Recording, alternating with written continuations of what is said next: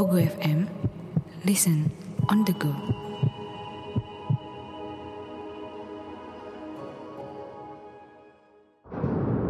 Hai, saya Chow Sing Sing. Selamat datang di podcast Horror Night Story. Pasang telinga, buka pikiran, dan biarkan rasa takut merayap di dalam dirimu. Selamat mendengarkan.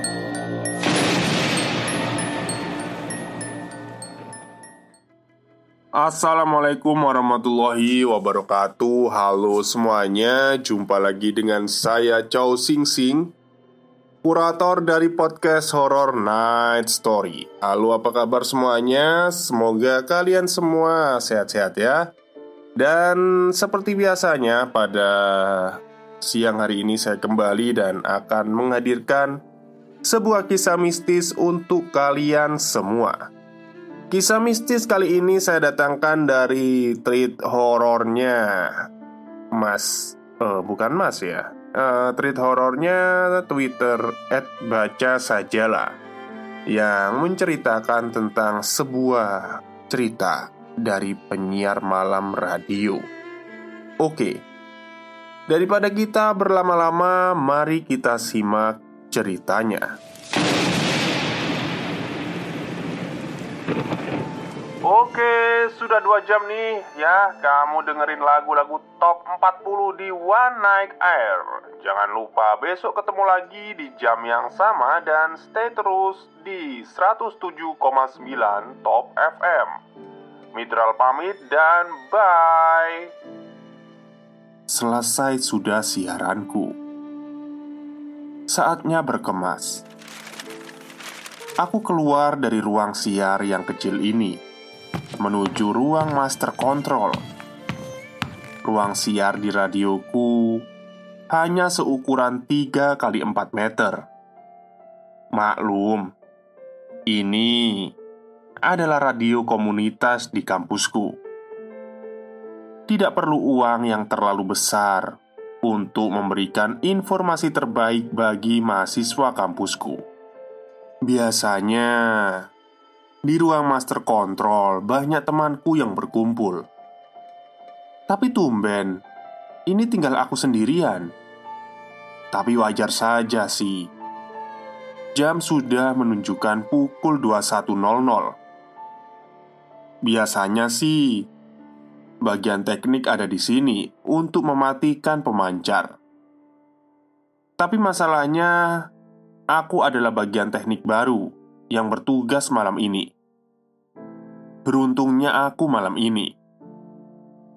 Sesudah aku mematikan semua peralatan siar, aku mulai melangkah ke saklar lampu di ruang siar. Hah, aku baru sadar kalau aku datang pagi-pagi ke sini, lampunya selalu dibiarkan menyala. Seharusnya kan petugas malam mematikannya. Hitung-hitung hemat energi, hemat biaya. Tanpa ambil pusing, aku mematikan lampu di ruang siar. Begitu juga semua lampu yang ada di masing-masing ruangan. Lalu, aku pun pulang. Ternyata Selama ini ada alasan Mengapa lampu itu tidak boleh dimatikan. Keesokan harinya, "Eh, siapa yang mematikan semua lampu di radio semalam?" Tanya seniorku dengan nada tinggi kepada kami yang kebetulan lagi berkumpul di ruang master control. "Aku, Kak," jawabku polos. "Kamu nggak tahu? Kamu nyadar nggak?" Lampu radio itu nggak boleh dimatiin. Ujar seniorku. Loh, emang kenapa? Kan bisa hemat listrik, Kak. Jawabku lagi-lagi polos. Mitral, coba deh ya. Suatu saat kamu matikan semua lampu yang ada di radio. Terus, biarin pintu ruang siaran terbuka. Lalu, kamu keluar dan lihat dari kaca Seniorku berbicara dengan nada rendah Emang ada apaan? Tanya aku heran Ya, kamu bakal melihat ada satu orang yang sedang siaran sendirian di sana. Dan pas dia sadar kalau kamu ngeliatin dia, dia bakal tiba-tiba ada di belakangmu dan ngajak kamu siaran di dunia sana. Hi, ujar seniorku menakut-nakuti. Beberapa teman perempuan langsung teriak setelah mendengarkan cerita seram itu. Aku sendiri cuma melongo gara-gara ngelihat ekspresi konyol seniorku. Kayaknya kamu gak takut ya? Tanya seniorku. Ya, percaya aja enggak. Jawabku datar. Ya sudah, aku tantang kamu. Nanti malam Sehabis siaran, kamu matikan semua lampu radio dan kamu intip dari kaca. Terus lihat siapa yang ada di sana. Tantang seniorku. Oke, aku terima tantangannya. Jawabku. Eh, kak, emang setan itu ada beneran? Kamu berani banget, Midral. Tanya teman-teman yang ada di situ. Seniorku cuma tersenyum sinis. Aku sendiri cuma diam. Tidak ada di antara kami yang benar-benar menanggapi kegelisahan teman-temanku. Malam pun tiba karena tantangan itu antara aku dan seniorku. Jadi, yang bertugas malam ini kusuruh pulang duluan. Lalu, sesuai prosedur supaya ada penampakan aku mematikan semua lampu dan bersembunyi di dekat kaca. Aku intip ke arah ruang siar. 10 menit, 15 menit. Tidak ada tanda-tanda apa-apa. Sudah kuduga, seniorku hanya membual. Ah, menghabiskan waktu saja. Lebih baik aku pulang. Tapi tiba-tiba Ku dengar suara pintu ruang siar berderi. Cepat-cepat aku bersembunyi lagi, mengintip di balik kaca. Hening dan tidak ada apa pun. Ku amati lagi mic yang ada di atas meja. Begitu juga kursi di belakangnya. Tidak ada siapa pun. Sepertinya suara tadi hanya perasaanku saja. Lagi pula, malam memang agak suram kali ini. Angin juga bertiup kencang di luar sana.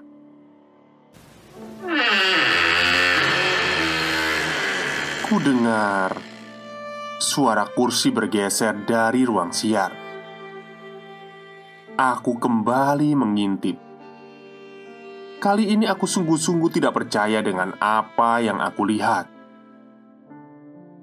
ada sesosok bayangan duduk di belakang mik, hanya mengeluarkan desah nafas yang entah kenapa ku dengar begitu dekat. Ya, ternyata seniorku benar. Kini aku harus memikirkan bagaimana caranya supaya aku bisa keluar sebelum hantu di ruang siar itu menyadari kehadiranku. Aku mulai panik. Ku intip lagi di ruang siar untuk memastikan keadaan. Tiba-tiba saja, sebuah wajah mengerikan menatapku sangat dekat dari balik kaca. Kamu mau nemenin aku siaran?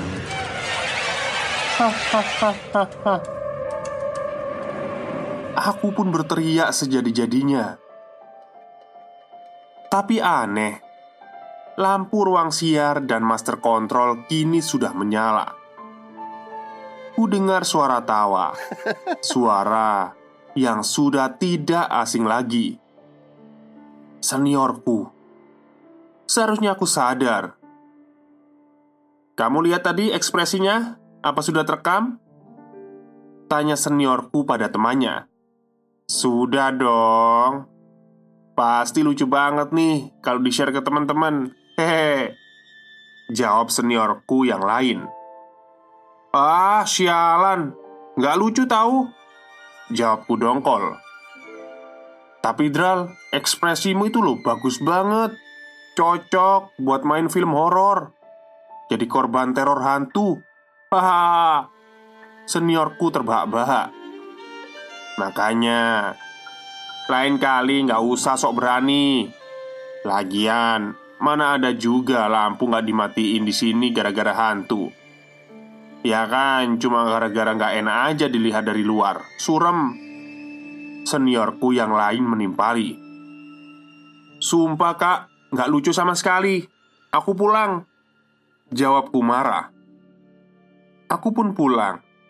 Ketika aku meninggalkan radio, masih saja ku dengar suara tawa dua seniorku yang menjengkelkan itu.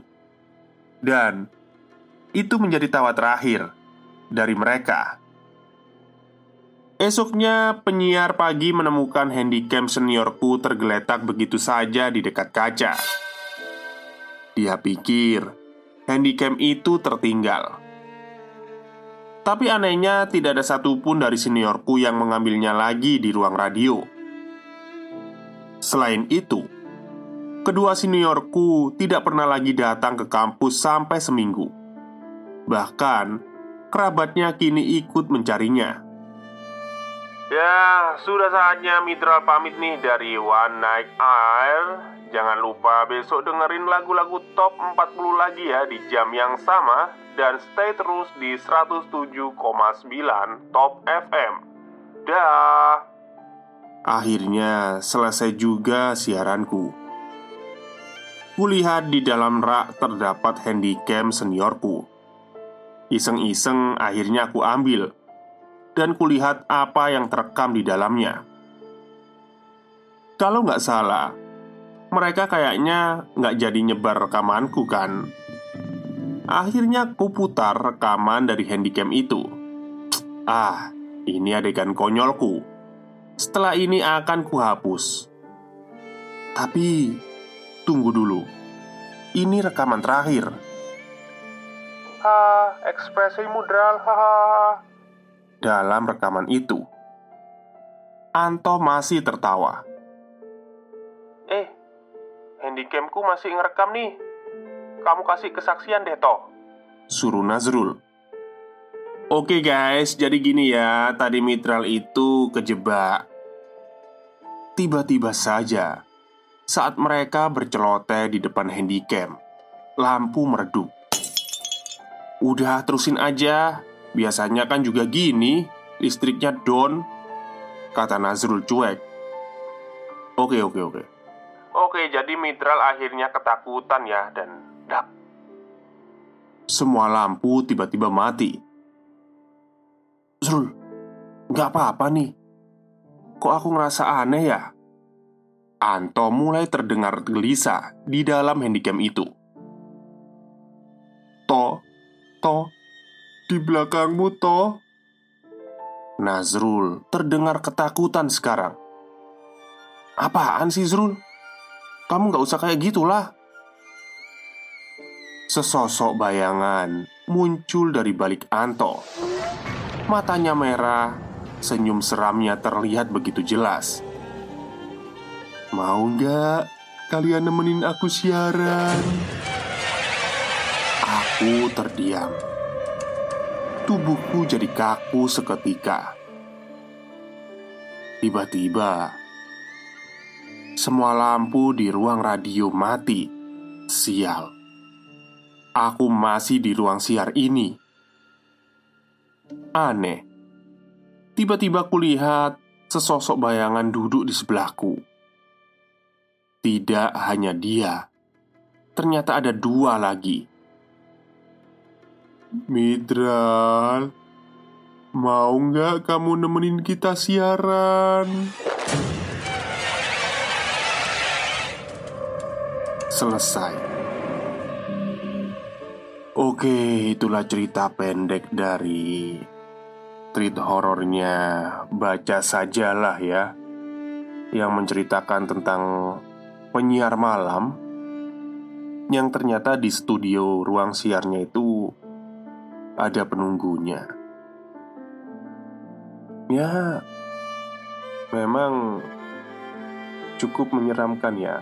Untungnya studio saya ini nggak begitu besar dan masih terdengar suara dari luar. Jadi agak serem juga kalau memang studio itu nggak terdengar dari suara dari luar. Soalnya kelihatan hening gitu ya. Tapi memang ya itu kayak apa ya? Suatu gangguan juga sih dalam rekaman saya. Tapi nggak apa-apa lah. Yang penting nggak terlalu sepi aja. Oke, mungkin itu saja cerita untuk siang hari ini. Kurang lebihnya saya mohon maaf. Wassalamualaikum warahmatullahi wabarakatuh.